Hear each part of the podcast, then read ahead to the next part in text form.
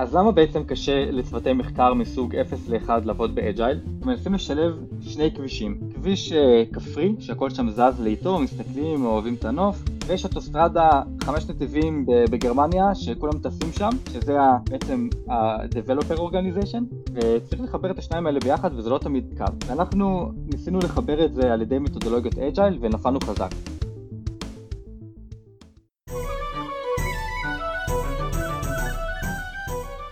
ברוכים הבאים לניהול מוצר גרסת הבמאי, שלום אייר. אהלן בני. ושלום לאורח שלנו, אביעד חרמון. שלום, מה נשמע? היום אנחנו הולכים לדבר על איך מתנהלים מול אה, צוות מחקר, אה, מחקר, אג'ייל ולמה זה שונה. אה, לפני הכל כמובן, אביעד, תציג את עצמך. קודם כל אני חייב לספר סוד קטן למאזינים בבית, שאני לא יודע אם אתם יודעים את זה, אבל אין פה מוזיקה אירית בהתחלה. זה כן, זה קטע. זה אנחנו מוסיפים אחר כך, ובהזדמנות גם נצטרך לפתוח את זה עם בני, למה לעזאזל זה מוזיקה אירית, אבל בסדר, זה כבר דיון לפייסבוק. זה בשיטת ה... אתה יודע, מה פייסבוק? זה בשיטת הדבר היחיד שהסכמנו עליו, אלימינציה. דבר ראשון שאתה לומד בתור מנהל מוצר, זה לא בהכרח הכי טוב, זה פשוט מה שאפשר להתפשר עליו. כמו שמות הילדים, אתה יודע. אם כבר מדברים על ילדים, אמ, אז קוראים לי אביעד, אני גר במושב חגור עם אשתי רעות, הכלב שלנו ששמו גבר, והילדה שלנו שממתינה לשם, אז אם יש לך, תשלח לי אחר כך בפרטי. Uh, עד שהפרק הזה ישודר, היא כנראה תיוולד. ניהול מוצר גסת הבמאי לילדה זה ארוך מדי? אני אצא את זה לאשתי, נראה מה היא תגיד. אוקיי, אז אני, אני בעצם מנהל מוצר היום בחברה שקוראים לה אלמנטור, אבל הפרק הזה יותר קשור לדברים אחרים שעשיתי בקריירה שלי. בעצם התחלתי בצבא בתור אנליסט בתחום של הדאטה, הייתי בענף שבעצם עושה מודלי חיזוי לצריכת תחמושת והיום אני גם ממשיך לעשות את זה במילואים. אה, התגלגלתי תפקידי ניהול מוצר בתוך הצבא ואז כשהשתחררתי הגעתי לחברת סטארט-אפ שקוראים לה Edgify שהיא ממש חזקה בתחום המחקר. כאילו השקף הראשון שלה במצגת משקיעים זה תראו איזה חוקרים מגניבים יש לנו. יש את אותה כמות של חוקרים כמו שיש מפתחים. כאילו חברה בומבסטית בתחום של AI ושם למדתי הרבה דברים שהם בעיקר נפלתי חזק ואני רוצה עכשיו לספר פה לאנשים איך לא נופלים באותה צורה שאני נפלתי. זה הדרך הכי טובה ללמוד דברים, ליפול חזק. לעשות על זה בלוג פוסט. כן. אז אביעד, אז, אז אני חושב שברור לכולם למה בחרת לדבר על הנושא הזה אה, אחרי ההצגה שלך, אבל בכל זאת אולי קצת אה, תפרט יותר. כן, אז במהלך, במהלך התקופה שלי ב-Edgify הייתה ממש תחושה שזה שתי חברות בחברה אחת. יש חברת מחקר שיושבת תחת ה-CTO ויש חברת מוצר שיושבת תחת ה- VP product. עכשיו זו חברה אחת, אבל בגלל שהחברה הוקמה על בסיס טכנולוגי, אה, ה-CTO, ה-Founder, הוא בעצם אה, טכנולוג שהקים חברה על בסיס איזשהו חידוש טכנולוגי, אז לכל אחד יש vision שונה, וזה ממש הרגיש שלצוות המחקר יש vision ו roadmap אסטרטגי משלו, ולצוות המוצר יש vision ו roadmap אסטרטגי משלו. ובהתחלה היה קל מאוד לחיות ככה בשתי עולמות, אבל מהר מאוד הבנו שאי אפשר, שהחברה היא חברה אחת ו, וצריך להתמזג. עכשיו כשניסינו לעשות את המיזוג הזה, אה, מה הדבר הראשון שאנחנו הכרנו בתור מנהלי מוצר? יאללה בואו נכניס אותם ל loop של ה agile. ופה נפלנו. הבנו שיש כל מיני סוגים של מחקר, ולא כל סוג מחקר יכול לעבוד ב agile. קודם כל בשביל, בשביל המאזינים, אה, נגיד, מחקר זה לא חייב להיות AI, יש כל מיני צוותי מחקר, אה, אני עובד היום עם אה, צוות מחקר של, ריס... של Security, אוקיי? שזה לגמרי לא AI, זה Deep Deep Low Level, עבדתי בעבר עם צוותי מחקר של עיבוד אותות, אוקיי? יש כל מיני צוותים, ובואו ננסה למקד באמת, מה... למה זה שונה? אז כמו שאתה אומר, יש כל מיני סוגים של מחקר. אני אוהב להסתכל על זה ככה, יש סוג מחקר שדורש סקר ספרות, ויש סוג מחקר שהוא לא דורש סקר ספרות. זה קצת מקביל ל... זה קצת מקביל לכל ההסתכלות של מרטי קאגן על תהליכי מוצר, שיש תהליך דיסקאברי ותהליך דליברי. אז גם במחקר יש מחקר שהוא מ-0 ל-1, צריך להבין מה ה-value, צריך להבין האם זה בכלל אפשרי, לבדוק את ה... את ה אמ, את ה-value, את ה, לבדוק את ה-value test, את ה-usability, feasibility ו-business viability, כל הדברים של מרטי קאגן, ויש סוג מחקר אחר שהוא לתמוך בתהליכים עסקיים כלשהם, שהוא דווקא יכול להיות שכן עובד באג'ייל טוב. אני אתן למשל דוגמה, אמ, בואו נדבר על נטפליקס, כשנטפליקס קמו הם הבינו שהם צריכים תהליך, ש... אה, מנגנון של recommendation. עכשיו כש... כשהם הבינו את הדבר הזה לראשונה זה היה ממש משהו שהם לא ידעו איך הוא יעבוד ואם הוא יעבוד טוב, והם פתחו את זה בתור תחרות בקגל, שזה מקום שהרבה data scientist ים מנסים לבנות כל מיני מודלים ויש כל מיני תחרויות, וזה היה תהליך שהם לא ידעו איך הוא יתחיל, מתי הוא ייגמר, מה בדיוק יצא ממנו. והיום למשל כשהם רוצים רק לשפר את המודלים הקיימים שלהם, אז זה כבר לא כל כך תהליך, אה, זה כבר תהליך שיכול לעבוד ב agile. אז בואו רגע נעשה פה סדר בתור מישהו שהוא לא מגיע או לא עסק מעולם בניהול מוצר של אה, מחקר. בעצם מה שאתה אומר, יש את עולם המחקר שהוא זז בקצב שלו, אבל גם בתוך עולם המחקר יש שני סוגים. יש אחד שאני עושה מחקר מאפס, אני בכלל צריך להוכיח משהו, לעומת מחקר שאני בא קצת לשפר משהו כבר קיים.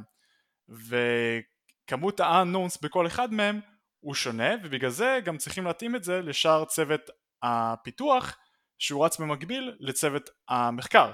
והצ'אלנג' העיקרי בתור מנהל מוצר הוא איך אני מסכן בין השתיים ואני מתמודד עם ה challenge הזה של באיזה state ה research שלי נמצא, האם הוא עושה מאפס או שהוא פשוט משפר. זה ככה ההבנה שלי של, של האתגר הזה? כן, אהבתי מאוד את הניסוח שלך, ואני יכול לספר על, על, על הניסיון שלי בחברת Edgify, ששם סוג המחקר היה מהסוג של 0 ל-1. בעצם ההרגשה שם הייתה שמנסים לשלב שני כבישים. כביש אה, כפרי, שהכל שם זז לאיטו, מסתכלים, אוהבים את הנוף, אה, אולי יש איזה כמה פרות מלקטות עשב בצד, ויש אוטוסטרדה אמ, חמש נתיבים בגרמניה שכולם טסים שם, שזה בעצם ה-Developer Organization, וצריך לחבר את השניים האלה ביחד וזה לא תמיד, לא תמיד קל. ואנחנו ניסינו לחבר את זה על ידי מתודולוגיות agile ונפלנו חזק. אז למה בעצם קשה לצוותי מחקר מסוג 0 ל-1 לעבוד ב agile? יש כמה סיבות. הסיבה הראשונה זה שהם לא באמת רוצים. ואפשר להגיד, טוב, שירצו, שלא ירצו, שיעבדו agile, כאילו מה, אה, מתכנת שואל אותי אם זה, שהוא לא, הוא אומר לי שהוא לא רוצה לעבוד ב agile, אבל חוקרים זה סיפור טיפה שונה, חוקרים זה אנשים שמאוד מאוד, חוקרים טובים, מאוד מאוד קשה לגייס אותם לארגון, אין הרבה כאלה, והיד ש... כל הידע שהם צברו בתוך הארגון הוא ממש priceless. ואני יכול להגיד שיש לי חבר שאמר לי שמבצע חבר מביא חבר אצלם לחוקר זה 40 אלף שקל, ככה קשה להשיג אותם. עוד איזה סיבה זה שאנחנו לא חושבים על זה אבל תנאי מקדים ב agile זה שיש increment ים כל ספרינט ושincrement ים יכולים להתבסס אחד על השני עכשיו במחקר זה לא תמיד ככה. או בגלל שאי אפשר להשיג increment, increment במהלך ספרינט אחד בטח לא אם זה ספרינט של שבועיים וגם בגלל שיכול להיות שמגיעים לאיזושהי מסקנה בסוף ה increment שזהו צריך להתחיל מאפס שמקשה מאוד על, על אומדן הזמנים והמשך העבודה. עוד, עוד סיבה זה שמחקר לא מגיב טוב לשינויים. אם יש איזשהו אפיון התחלתי ופתאום הצרכים של השוק השתנו, אולי גילינו איזה משהו חדש שלא ידענו קודם, זה ממש יכול לקחת את כל המחקר ולהחזיר אותו בום לנקודת האפס. אם ציינת בעצם שיש אה, שני סוגים של ארגונים, אחד שהוא עושה מחקר מאפס ואחד שהוא משפר מחקר קיים, אז האם עכשיו שאנחנו בעצם נתייחס לזה, לאיך, לאיך עושים את הצ'אנג'ים של זה, האם, האם זה אותו דבר או שאנחנו צריכים תמיד להישאר בראש של האם אני זה או זה? אני חושב אפשר להציג פה כמה נקודות מבט וכל אחד יכול לחשוב אה, מה מתאים לארגון שלו ואולי אפילו מה מתאים לאיזה צוות בארגון שלו. ככל שארגון מתחיל להכניס AI בצורה יותר מסיבית וממש להתבסס על הדברים, פתאום מגלים שזה הופך להיות יותר דומה ל agile.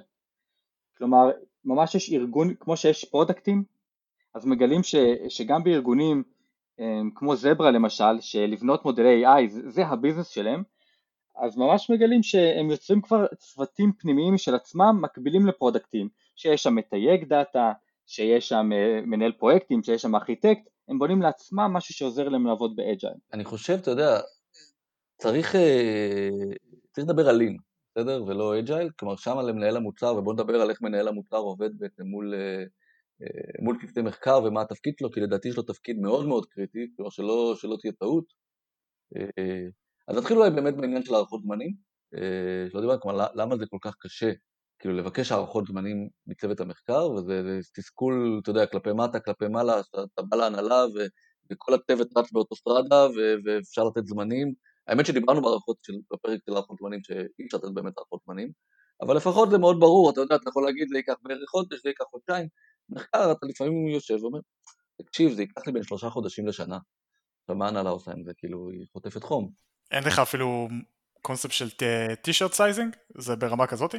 לפעמים, תלוי. אה, עכשיו גם פה תלוי, בוא נדבר, עכשיו פה תפ...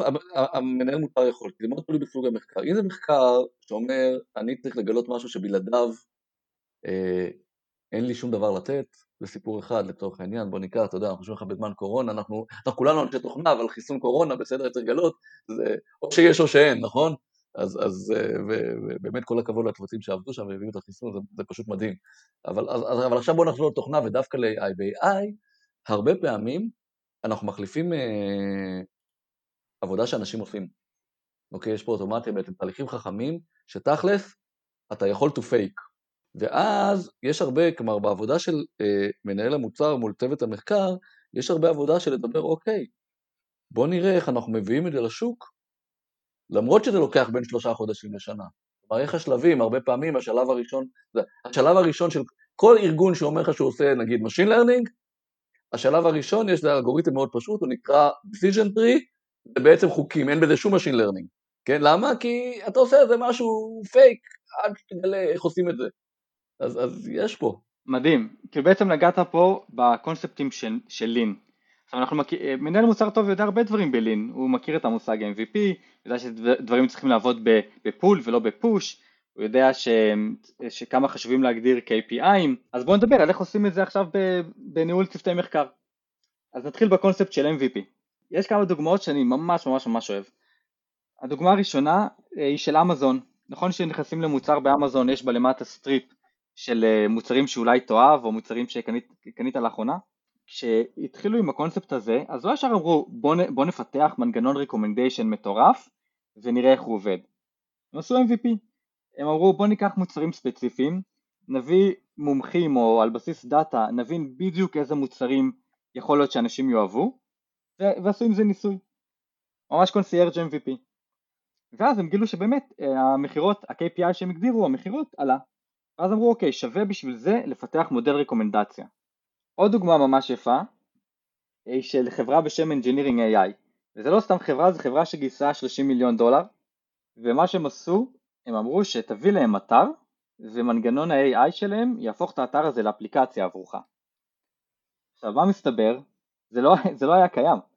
הם הביאו את זה למתכנתים שהסתכלו על האתר ופשוט תרגמו אותו אחד לאחד מאחורי הקלעים והפכו אותו לאפליקציה. זה MVP. כאילו אפילו מותח את גבולות ה-MVP נקרא לזה. והאמת שדווקא ב-AI לעשות דברים מהסוג הזה יכולים לתרום למוצר עצמו. למשל יש בארץ חברה של אה, זיהוי מוצרים שלפעמים המודל שלהם לא מזהה את כל המוצרים וכשהמודל לא מזהה מוצר מסוים אז מישהו בחו"ל במדינת עולם שלישי מקבל הודעה לפלאפון באמצע הלילה מסתכל, מתייג את זה וזה נראה כאילו המודל עושה את זה אבל זה לא, זה בן אדם וזה נראה כמו רמאות אבל זה אפילו עוזר, עוזר לחברה כי עכשיו לוקחים את כל הדאטה החדש הזה, מה שקוראים לו ground truth, ומכניסים אותו למודל ומשפרים אותו. זה ווין ווין. אולי באמת, אתה יודע, התפקיד, הרבה פעמים, אה, התפקיד של מנהל המוצר בתוך צוות כזה של מחקר, הוא לנסות להכניס אותם ל milestone ים. בסדר? אתה לא יכול לתת הערכות זמנים, מאוד קשה, אבל אתה כן יכול לבנות יחד עם הצוות איזשהו סוג, כדי שלא תתברבר, אתה בעצם לא רוצה בהפתעה לשבת אה, שנה במחקר ואז לגלות שאין לך כלום, אז אתה רוצה יחד עם הצוות לבנות milestone ים שאומרים, כלומר, אם זה באמת משהו שאתה יכול גם אפילו להוציא ל production כל מיני שלבים ולהריץ אלגוריתם סיפור אחד, אבל לפעמים גם את זה אתה לא יכול, אבל לפחות אתה רוצה להגיד, אוקיי, המיילסטון הראשון של המחקר זה איזשהו ניסוי, שאתה יודע, עושה ויוצא עם תוצאה בצד 1-2, אתה יודע, ואז במקום, זה לוקח, לא יודע, לוקח שלושה שבועות או שבועיים, זה כבר לא כזה, כדי שלא תתברבר, בסדר? כלומר, יש פה המון המון עבודה למנהל המוצר לעזור לצוותי המחקר והאלגוריתמים, אה, במיוחד מפני שאולי אתה נדבר על האופי של אנשי מחקר, אה, הם אנשים מאוד, אה, רובם, עם אמת מאוד גדולה. כלומר, אם אתה שואל אותם איך האלגוריתם עובד, ואם העובד זה בין 0 ל-1, אז 0.97 זה לא עובד. חרא, האלגוריתם לא עובד. אז, אז חלק מהעסק זה להגיד לא, לא, זה בסדר, כאילו להבין אותם מה זה אומר, והאם זה מספיק טוב לשחרר, או האם זה מספיק טוב לפחות להתקדם לצ... לצעד הבא במחקר. אה, יש פה הרבה להביא את הצד של הלקוח לתוך המחקר. צודק לגמרי, זה ממש ממש חשוב, ואחד מהדברים שעשינו ב-Edgify, זה קודם כל מחקרים, צריך לשים להם איזשהו time cap. אם, זה כמו בספרינט, אם משהו לא נכנס בספרינט, תחלק אותו למשימות יותר קטנות. אז בעניין של מחקר, אמרנו לעצמנו, אם משהו לא נכנס בשלושה חודשים, צריך לפרק אותו. ובתוך השלושה חודשים האלה אז אה, גם היו כמה תתי שלבים, למשל אה, הדבר הראשון הכי הכי הכי חשוב להבין את ה business need ברמה מטורפת, לפני זה לא מתחילים. אחרי שמבינים את ה business need ובונים use case ממש ממש מפורט, עושים את השלב הראשון שהכי קל זה פשוט להגיד שהוא סקר ספרות, זה יכול לקחת גם שבועיים, אבל סקר ספרות. אחרי שעושים את הסקר ספרות אז יש דברים שהם טיפה יותר קופסה שחורה מבחינת ה product, אבל האלגוריתמאים מנסים להבין איזה גישות הם, הם עובדים לבדוק, הם עושים איזושהי תוכנית מחקר, ובסוף מוצאים איזשהו POC. אי אפשר להגיד שאי אפשר לפרק את זה ל milestone ים, כאילו מה שאמרת בנו נכון לגמרי, הם מפרקים ל milestone ים, תמיד זה אפשרי. וכמובן בסוף, אינטגרציה. זה ה milestone הכי קשה. אני חושב שאולי זה הרבה פעמים קורה, זה... יש לנו נטייה בתור אנשים, ברגע שיש איזשהו דומיין שאנחנו לא מכירים אותו, אז אנחנו כאילו מתייחסים אליו באמת בתור black box, ואנחנו מקבלים כברור מאליו את כל מה שאומרים לנו עליו. אז אם בא אותו researcher ואומר, לוקח שלושה חודשים, בגלל שאנחנו לא מתחום ה-AI או תחום ה-vulnerabilities research או whatever, אנחנו הרבה פעמים בתור אנשים אנחנו פשוט אומרים, אוקיי, סבבה, ואנחנו לא שואלים שאלות של בוא, בוא תסביר לי, בוא, בוא תפרט לי למה זה ככה, במקומות שכן לנו נוח לנו להגיד את זה מול, מול הפיתוח, כי אנחנו מכירים את ה database או whatever, אני לא יודע מה הסיבה שאנחנו מגיעים שיותר בנוח, אז אנחנו כן כאילו לפעמים כן ננסה לפרק את זה ולהגיד, אה אוקיי סבבה, אולי זה לא באמת כל כך תורם עכשיו לגול הגדול הזה שאנחנו רוצים, ובאמת אפשר לפרק את זה משהו קצת יותר קטן. ואני חושב שזה משהו שגם כן מוסיף קצת לבלבול של אנשים, שברגע שהם שומעים אה, איזשהו דומיין כזה שהם לא מכירים, הם ישר נבהלים ממנו. אני מסכים איתך לגמרי. וזה לא רק שהמנהל מוצר בורח, הרבה פעמים גם ה-QA פחות מעורבים, או כל מיני גורמים אחרים פחות מעורבים. אמ, ובאמת, מנהל המוצר צריך להבין את הדברים האלה ממש לעומק, זה, זה מתחיל בלהכיר את השפה. כאילו בתור מנהל מוצר אם האלגוריתמאים מדברים בעקומת AUC, F1, Accuracy, Recall, Precision, Ground Truth, אה, Overfitting, אתה צריך להכיר את כל הדברים האלה וזה ממש ממש ממש מקל על ההתנהלות. וגם הזכרת לי עוד משהו שאתה דיברת עליו לפני כמה פרקים שברגע ש, ש, שאמרת למפתחים איזשהו משהו והם אמרו וואו לא זה פרויקט מטורף ואז כשהסברת להם את ה-use case שזה רק איזשהו דמו שאתה רוצה להציג למישהו ושלא צריך לחשוב עכשיו על סקלביליות ועל הרבה דברים אחרים, אז פתאום זה כן נכון, אז אולי אפשר לעשות את זה יותר בקלות. ואני יכול לתת דוגמה אה, שוב מ-Edgify על משהו בדיוק כזה. בעיקרון אנחנו עשינו באיזושהי תקופה אה, זיהוי של, של פירות וירקות ומה מסתבר? שפירות וירקות משתנים, כאילו כל כמה שבועות, כאילו אתה בונה מודל אחד, עוד יומיים זה, זה כבר משתנה.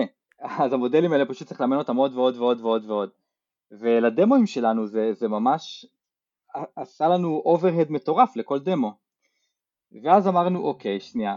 אולי בדמוים אנחנו לא צריכים מודל שיודע לזהות את כל הפירות והירקות. אולי, אולי נבחר בעצמנו כמה פירות מסוימים ואולי אנחנו אפילו לא צריכים פירות מסוימים שיכולים להשתנות בין סופר לסופר. אולי נעשה את זה על פירות פלסטיק ואז פתאום משהו מאוד מאוד מסובך הופך להיות למשהו מצומצם שאתה יכול להוציא מהר. שזה מתחבר למה שאתה אמרת, שפשוט לחבר אותם ללמה. ולמרות שזה חיה אחרת או אותם אנשי מחקר, סליחה לכל אנשי מחקר שקראתי להם חיה, אבל uh, הכוונה היא שאנחנו מתייחסים אליהם בעצם הר גפן, בגלל כמו שאמרת, כל כך קשה להביא אנשים כאלו איכותיים, עדיין השורה התחתונה זה עדיין צריכים להסביר להם את הלמה, כמו שאנחנו מסברים לפיתוח את הלמה. ולפעמים זה גם, זה לא רק את הלמה, זה גם את האיך, אבל לא את האיך עושים, בסדר? אלא, אלא איך זה נראה אצל הלקוחות, אוקיי? כלומר, גם זה הרבה פעמים אנשי מחקר, אתה יודע, הם יושבים באלגוריתמים, אני אתן דוגמה שהייתה לנו ב Augury, בסדר? הם עושים אלגוריתמים לעיבוד אותות שמוצא תקלות במכונות, אה, ובסוף התקלה מתבטאת באיזה, מתבטאת באיזה tag עם רמת confidence בין 0 ל-1, אוקיי? ומבחינתו הוא סיים את העבודה. איך זה נראה אצל הלקוח, מה הטקסט באנגלית שהלקוח רואה, אתה יודע איך נראית, זה, זה לא... זה לא מעניין אותו, ונגיד כשנכנסתי באוגורי, אז, אז בחודש הראשון זה היה, אוקיי, לא יודע, שלחו אותי, אתה יודע, אם הלקוח מתלונן שזה לא בדיוק התקלה, אז, אז, אז בסדר, תתרגם אותה איך שאתה רוצה, אנחנו זיהינו. אני, אני חייב להיות, אתה יודע, בסוג של גאווה, שנתיים אחרי הם כבר עדכנו את הקובץ אה, טקסט באנגלית לבד. כי הם הבינו, כי לאט לאט חיברנו אותם בתהליך מאוד מאוד ארוך לתוך הלקוחות. אז נכון שזה אלגוריתם מוציא את זה, אבל, אבל חלק, שהם הבינו איך זה נראה, בסוף זה גם משליך אחורה, בסדר? גם על העבודה שלהם, כלומר זה לא רק, כלומר, זה לא החשיבות של, בסדר, שחשוב לי שהם יעדכנו את הקובץ טקסט, בסדר? אבל כשהם הבינו איך הלקוח רואה את התוצאות של האלגוריתם, בסופו של דבר זה גם שיפר את האלגוריתם וזה שלח אותם לכל מיני כיוונים של מחקרים אחרים, כי אוי, עכשיו אני לא מרוצה ממה שיצא, קודם הייתי מרוצה, עכשיו אני לא מרוצה, כי אני רואה שזה לא נראה טוב. לגמרי, ואני רוצה לתת דוגמה ששמעתי, הייתי ב meetup של Zebra, Zebra זה חברה ישראלית שמפתחת מודלים לתחום הרפואי, וב meetup הם סיפרו כמה היה חשוב אה, להסכים על איזשהו אפיון, שלא רק כולל את המדדים, הוא, הוא מכיל את כל מה שאמרת, את כל הלמה, איך הלקוח יראה את מה שאתם עושים, ומסתבר שמתגלים שם הרבה מאוד דברים, אה, האם הזיהוי צריך להיות ב live או שיכול להיות ב delay, האם אנחנו צריכים מודל אחד לכל בתי החולים או מודל שונה לכל בית חולים, יש שם בכלל חיבור אינטרנט, אה, האם זה רץ על שרת חזק או על מכונה שנמצאת בתוך בית החולים, אה, מה בנוגע לפרטיות של המשתמש, האם אנחנו רוצים לעשות שם מודל שמזהה אובייקט בתוך תמונה או רק להגיד משהו על כל התמונה בשלמותה, תומך החלטה או מקבל החלטה, כאילו כל הדברים האלה צריכים לעלות כמה שיותר מוקדם כי כמו שאמרנו מחקר לא מגיב טוב לשינויים. אולי גם נוסיף עוד פעם, ואני עוד פעם חוזר לתפקיד של מנהל המוצר, אוקיי? ומה הוא יכול לעשות? אמרת אייר, אני לא יודע אפילו, אתה יודע, על מה הם עובדים, וזה נכון, הרבה פעמים אין לי שלמש מושג, הוא, הוא צריך לבחור עכשיו בין שש אלגוריתמים, שישה אלגוריתמים, ו, ואין לך מושג לעזור לו, בסדר? אה, ואתה אפילו אולי לא יודע איך, עושה, איך הוא עושה את זה. מה אתה כן יודע? אתה יודע לשאול שאלות, אוקיי? מנהלי מוצר יודעים לשאול שאלות. טוב מאוד. אז לשבת עם אנשי המחקר שעכשיו בונים תוכנית, ולא להתבייש לשאול, תסביר לי, אוקיי? אה, למה אתה בוחר את א' לעומת ב', מה השיקולים שלך, איך אתה הולך לבדוק את זה, מתי אתה עושה נקודת החלטה כזאת, מתי אתה עושה נקודת החלטה אחרת. אתה לא צריך אפילו להבין את התשובות, סליחה שאני אומר, אם אני אקח בקיצוני עדיף שתבין, אבל גם אם אתה לא מבין, עצם זה ששאלת אותו וגרמת לו לחשוב, והוא צריך לענות לך, אתה יודע, זה כמו לדבר אל המראה, הוא כבר יגיע להחלטות יותר טובות, הוא כבר יעשה את התוכנית הרבה הרבה יותר טוב, ולכן יש לנו תפקיד מאוד מאוד קריטי בתור מנהלי מוצר בלעזור לצוות. ממש ממש ככה. ואחת מהחברות שהתייעצנו איתן כשעברנו את כל התהליך הזה אה, בתחילת דרכה של Edgify הייתה Anodot, והם סיפרו לנו איך הם עובדים, שלפעמים אין, אין ברירה ואנשי המחקר הם אלה שיגידו לך בכלל מה צריך לחקור, דברים שאתה לא ידעת. למשל מה שהם עושים ב Anodot זה כשיש להם roadmap, לא roadmap מוצרי אבל roadmap אסטרטגי לחברה אז מציגים, מציגים את זה בין השאר ל-CTO והוא מגלה אם יש שם דברים שדורשים מחקר. ולפעמים לפעמים לא, לא חושבים על זה אבל יש. נגיד ב-Edgify אז באיזשהו שלב אמרנו בת, אה, בתקופה הזאת והזאת במיילסטון הזה אנחנו רוצים לפעול על ארבע חנויות במקביל. ואז אמרו שנייה מה זאת אומרת ארבע חנויות? לא לא לא לא זה מודל אחד בחנות אחת ומודל שרץ ביחד על, על ארבע זה בכלל לא אותו הדבר. או מודל שרץ פה בארץ ומודל שרץ בחו"ל לא לא לא זה, זה דברים שונים לגמרי. ולפעמים כאילו אנחנו פשוט לא יודעים את זה וצריך שמישהו יביא את, ה, את, ה, את האינפוט הזה מבחוץ. אז בגדול לפי מה שאני מבין אותו צוות מחקר אנחנו צריכים להתנהל ולתפקד איתו כאילו הוא צוות פיתוח. הוא עדיין צריך להיות מסוכן לגול ססקים שלנו הוא עדיין צריך להבין לאן אנחנו הולכים, אנחנו עדיין צריכים לשבת ולפרק איתו את הדברים, אנחנו עדיין צריכים לעשות איתו MVP, אנחנו עדיין צריכים לוודא שאנחנו שואלים את השאלות הנכונות.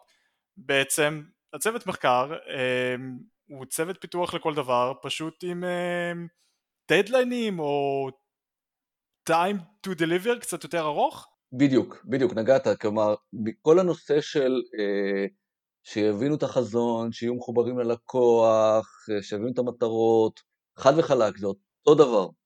אבל בכל הקטע של עבודה עם זמנים, לא משנה עכשיו אם אתה עובד עם ספרינטים, לא עובד עם ספרינטים, אתה יודע, זה, זה לא חשוב. כל הנושא של עבודה והבאה של הדברים ל production ומטרות, אה, ביניים, וכל, זה, זה עובד מאוד שונה, אוקיי? כלומר, אה, זה לא צוות אה, שמסתער על כל דבר, זה צוות שרוצה אתגרים מעניינים, ורוצה בעיות גדולות, אוקיי? ופחות מעניין אותו לשפשף את הצ'ופצ'יק, אה, אתה יודע, בקצה. אני אוסיף אולי, רק אני אומר, הרבה פעמים יש, צוותי, יש, יש, כשאתה מסתכל על צוותי מחקר, אה, אז יש, אה, אתה יודע, בקיצון, זה צוותי מחקר שבכלל לא עובדים ב, בשפת הפיתוח, אתה יודע, הם עובדים ב Matlab או עובדים ב-R, ומישהו אחר כך בכלל צריך לפתח את האלגוריתם ל production, זה כמעט כבר לא, זה הרבה פחות קיים היום, היום רוב צוותי המחקר כן עובדים Python או משהו ומביאים ל production, ועדיין הרבה פעמים, לפעמים, לפעמים אתה צריך איזשהו סוג של שני צוותים, מהצוות המחקר הארדקור שעושה את הבסיס, אה, ואחר כך איזה צוות מחקר פחות הארדקור שעושה את השיופים, כי, כי זה, זה גם סוג של עבודה אחרת. אז אם בכל מקרה יש אלמנטים מסוימים שהם ווטרפולים בעבודה מחקרית... אביעד, אני חייב לעצור אותך. זה לא waterfall, כאילו אני, אני חושב שבוא לא נבלבל את המאזינים, כי קודם אמרת, אתה אמרת, לא אני, אוקיי? שגם במחקר אפשר לעבוד lean ו-MVP, אז, אז, אז בואו לא נסתכן, אתה יודע, בואו לא נסתכן ולבלבל ולהגיד שזה waterfall. זה מילה טאבו פה בפודקאסט, waterfall. לא, שלא יצאו מהפודקאסט ויגידו, אה, אביעד אמר לעבוד waterfall, אתה יודע. עוד שיטה מתחום הלין שעובדת ממש טוב בעבודה מול צוותי מחקר זה ה-5 Wise. זה כאילו השיטה הכי מפגרת, אבל יוצאים ממנה דברים מופלאים. כי אסור לשכוח שבסופו של דבר הרבה פעמים יש אינרציה, לצוות המחקר יש אינרציה משל עצמו, במיוחד אם הוא יושב ישירות תחת ה-CTO, וגם הרבה חברות בכוונה, בגלל האינוביישן שיכול לצאת מצוות המחקר, נותנות להם הרבה זמן פנוי לעבוד על פרויקטים אישיים, כמו איזה סיירת מטכ"ל כזאת. אמ, אז הרבה פעמים יש כל מיני צרכים ומחקרים שאולי כדאי לחזור אחורה ולהבין איך הם מתקשרים ללקוח. אז למשל אצלנו הייתה השקעה מאוד מסיבית במחקר על compression. אז כזה אוקיי, למה צריך compression? כי compression, בלי compression אנחנו לא יכולים לאמן את המודל הזה. אוקיי, למה, למה בעצם? כי בלי compression אנחנו יכולים לאמן רק על, על location אחד במקביל ולא יכולים לאמן על כמה לוקיישנים. אוקיי, אז למה, למה צריך לאמן על כמה לוקיישנים? כי אם נאמן על כמה לוקיישנים יהיה לנו יותר דאטה. ולמה צריך יותר דאטה?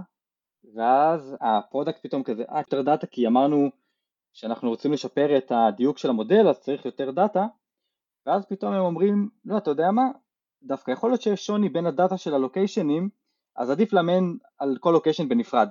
ומסקנות כאלה עולות רק כשבאמת מנסים לרדת לעומק הדברים, להבין את הצרכים ולקשר אותם לביזנס האמיתי. אני חושב שזו דוגמה מעולה ללמה באמת לא צריכים להתייחס לדבר הזה כי חיה אחרת ומחקר הוא בדיוק כמו פיתוח ולמה גם צריכים לרדת איתם לעומק? גם, גם אם אנחנו לא מבינים uh, באמת את כל המושגים והמונחים שאומרים כמו שאנחנו בפיתוח לא חייבים להבין את המושגים והמונחים שאומרים לנו אבל אנחנו עדיין יורדים לעומק ואנחנו עדיין מנסים להבין את מה עומד מאחורי הדברים. וזה דוגמה קלאסית. אנחנו בתור אנשים אנחנו חסר לנו לפעמים את ההנחיה הזאת ומנהל מוצר פה אמור להיכנס. אז למרות שבאמת הצוות מחקר הוא קצת בקצב משלו עדיין שווה להתייחס אליו כמו צוות אה, פיתוח. אה, ועדיין, אתה יודע, זה באמת קטע בשמחה, כלומר זה יכול להיות עכשיו, אתה יודע, אה, שיושב שם מישהו ועובד על משהו שנה, וב roadmap שלך זה נראה מה הוא עושה השנה, את זה אותו דבר, אחד, שתיים, שלוש. עכשיו צריך לפרק את זה, נכון? אבל זה כן נראה שונה. ברור, אבל גם יש לך בתוך פיתוח למשל, יש לך לפעמים אנשים שאם אתה לא שם לב ואם אתה לא שואל את השאלות הנכונות הם פתאום יכולים לעשות לך ריפקטורים בגלל שהטכנולוגיה יותר מגניבה לא בגלל שזה מקדם את הביזנס לאיזשהו מקום ואני חושב שהדוגמה שהוא נתן זו דוגמה מעולה לאיך אה, חוקרים יכולים פתאום להיכנס לתוך הלופ הזה של לעשות משהו כי זה מגניב מחקרית ולא בגלל שזה מקדם אותנו מבחינה ביזנסית. חד וחלק. אז, אה, אז נראה לי שאנחנו די, די מבינים ככה את הקונספט בואו אולי נעבור אה, לשאלות ממאזינים. יאללה. תדע לך זה איזשהו נושא שהוא ככה מאוד בוער, אני כבר שומע עליו הרבה זמן פידבק, אז ישר איך שאמרנו שאנחנו הולכים לדבר על זה, ישר הגיעו שאלות. אה, כן, הגיעו גם שאלות, גם תשובות, אה, אתה יודע, אה, מירי קוריאל שהתארחה אצלנו ככה, ישר כבר נתנה גם טיפים, לעבוד, שהאמת שהזכרנו אותם, לעבוד עם יעדי ביניים קטרי טווח, שהתובנות הן לאו דווקא תוצאה סופית, הזכרנו את זה בפרק, וחשוב להבין את המדדים, ושזה בשבילך אייר, שאין דבר כזה מסובך מדי בשביל להסביר, הכל אפשר להסביר, אוקיי? אז, אז האמת שנגענו ברוב הדברים. נעבור אולי לשאלה. אה, אתה רוצה להגיד משהו, אביעד, לפני השאלה? אה, דיברנו בהתחלה על, על מחקר של 0 ל-1 ומחקר יותר איטרטיבי, ו- וכן, יש חברות שכל העבודה שלהם זה מחקר, הם הפכו את זה כבר לרמת מיומנות של ניהול פרויקטים.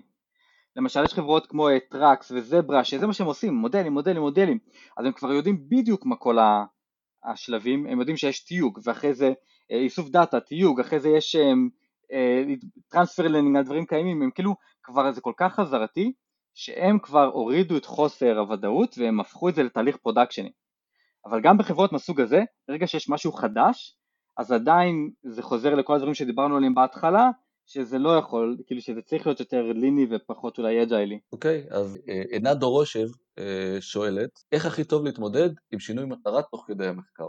כי הרי דיברנו על זה שזה מגיב פחות טוב. כן, יש ניסוי מעניין של, אה, של דן אריאלי, שהוא נותן לאנשים להכין לגו, ואז בדיוק אחרי זה מפרק להם את זה מול העיניים, ואז הוא רואה כמה פעמים הם עושים את זה לפני שהם מפסיקים, ואחת המסקנות שם זה שאם נותנים acknowledgement אז אנשים לא מאבדים את המוטיבציה. וה acknowledgement יכול לבוא בהרבה כיוונים, קודם כל לדבר על זה, אוקיי, אולי לא נמשיך עם זה, אבל מה היו המסקנות, אולי אפשר לפרסם על זה איזשהו מאמר, אולי אפשר להציג את זה בכנס, אה, לא, לא לשבור ולזרוק, אלא לראות מה כן יצא מזה. אני חושב שהייתי מוסיף, זה בדיוק הנקודה, וזה טוב לתרבות ארגונית בכלל, לא רק למחקר, אה, to acknowledge failure. כישלון, במיוחד במחקר, זה לא דבר רע. אה, אתה יודע, שכמו שתמיד מצטטים, ולא משנה אם זה ציטוט נכון או לא, שאת אה, תומאס אדיסון שאומר שהוא מצא עשרת אלפים דרכים איך לא לייתר מנורה, כישלון זה, זה חלק מהדרך, וחשוב חשוב, אתה יודע, לא להגיד לצוות, אוי איזה נורא, בזבזת שבועיים ולא יצא לך כלום. כאילו זה לא בזבוז, זה בדיקה, צריך להתייעל ושהכישלונות האלה יהיו יותר מהירים, אוקיי? אתה רוצה שהצוות כל הזמן ידע להיכשל יותר מהר כדי בסוף להגיע למקום הנכון, אבל זה חלק מהעסק. כן, כמו שבני אומר, אה, אם, אם יש איזשהו, אה, המחקר לא הצליח להשיג את המטרות, או שהיה שוני, שוני בהגדרות זה בסדר, המצב שצריך, כאילו אין מה לעשות, זה החיים, הדבר שצריך להימנע ממנו זה שהמחקר הגיע לתוצר אחר ממה שציפינו בגלל בעיות בהגדרות הראשוניות, אה, חוסר הבנת ה-use case או, או KPI'ים. אביעד, שאלה אחרונה לפני שבאמת נסכם את הפרק, איך מומלץ לתעד את התהליך מבחינת כך שיהיה נוח לתקשר אותו להנהלה? אני חושב שזה אחד האתגרים הכי קשים. וואו, כאילו במקרה הספציפי שלי, ההנהלה היא זאת שדחפה את המחקר, כאילו אנחנו היינו צריכים to keep up ולנסות לרדד את המחקר במקומות שפחות צריך. יש קטע בלנסות להוכיח ערך של, של מחקר, הרבה פעמים אפשר להשוות את זה לאיזשהו, לביזנס כאילו, אם אנחנו נעשה את זה אז נוכל לשפר את ה-KPI הזה, אה, למשל בעזרת הפיתוח הזה אנחנו צופים שאנחנו יכולים לחסוך X דולרים במהלך השנה הקרובה. נסכם את הפרק אה, יאר? יאללה, קדימה. אביעד, טיפ אחרון למאזינים? כמו שאמרנו, הרבה פעמים נוטים לברוח ממחקר, כי בגלל שלא מבינים את זה, וזה קורה לכל מיני מקומות בארגון, כולל ה-QA. אם יש לכם מחקר כלשהו שמתחבר ל production, לא לשכוח QA. שמע, אני, אני חושב גם ש... אתה יודע, יש לנו את הקונספט הזה של uh, full user journey בפיתוח. שאנחנו אומרים כאילו, אנחנו צריכים לחשוב על הכל מההתחלה עד הסוף, איך אנחנו מביאים את ה user, איך אנחנו מטפלים בו, איך אנחנו ממרים אותו ללקוח, ואיך אנחנו גורמים לו להיות מאושר והכל. ואותו קונספט, כמו שאמרתי, כאילו, למרות שזה חיה אחרת, צריכים להתייחס אליה אותו דבר. גם כשאנחנו מסתכלים במחקר צריכים אה, אולי באמת לקחת את אותה מתודולוגיה של אה, full user journey ולחשוב איך ה user חווה את המודל הזה, כמו שאמרתם, האם זה רץ אצלו, האם זה רץ בשרת, ולראות איפה יש כל מיני gapים כאלו שאנחנו צריכים לתקשר אותם כבר בהתחלה, כדי שלא ינשכו אותנו בתחת בהמשך. אה, וזה, וזה ככה התובנה שלי מהפרק הזה. אז, אז, אז אני רוצה לתת מעניין בעיניי ככה לסוף, ולחבר את זה גם לפרק של אה, צוותים מועצמים שעשינו עם יובל סמט. אה, למרות מה שאמרנו, שצוותי מחקר הם מאוד נפרדים, מאוד שונים מצוותי האג'ל הרגילים, אוקיי? אז א', לפעמים, לפעמים, לפעמים אפשר גם לשלב, זה, זה יותר נדיר, אבל גם כשעובדים יש המון המון ערך בלהביא את הפרקטיקות מצוותי האג'ל היותר מסורתיים קצת לצוותי המחקר, ולהביא את הפרקטיקות מצוותי המחקר לצוותי אג'ל רגילים, מה שנקרא, אל תהיו תקועים כל הזמן אה, בלדלבר, אלא גם בצוותי אג'ל אתה רוצה שקצת, נכון, זה אולי לא אה, מחקר של ספרות מעמיקה, אבל אתה רוצה שאינוביישן יגיע מצוות הפיתוח, אוקיי? אז לקחת פרקטיקות מהמחקר ולנסות כל מיני דברים, כאילו, יש, יש המון ערך בסינרגיה בין שני הצוותים האלה, כלומר חברה שמסוגלת לחבר בין שתי הצוותים האלה, שילמדו אחד מהשני, לדעתי עפה. וכל מנהל מוצר תמיד צריך לשאול, לשאול אה, למה, לא משנה איזה צוות זה, גם אם זה מחקר ואם זה פיתוח. אני משנה את הטיפ שלי. כאילו אתה תחליט איזה טיפ, תחליט איזה טיפ אתה רוצה לשים. מותר עוד טיפ, אנחנו ניתן לך שני טיפים. לגמרי, אנחנו לא לוקחים אקסטרה. ממש ממש חשוב להכיר את השפה. נגיד זה לא סתם שיותר מחפשים מנהלי מוצר שהיו פעם מתכנתים, כי הם מכירים את השפה. ויכול להיות שאתה לא היית אלגוריתמאי בעבר, אבל אתה צריך להכיר את כל המושגים ו... ול... ול...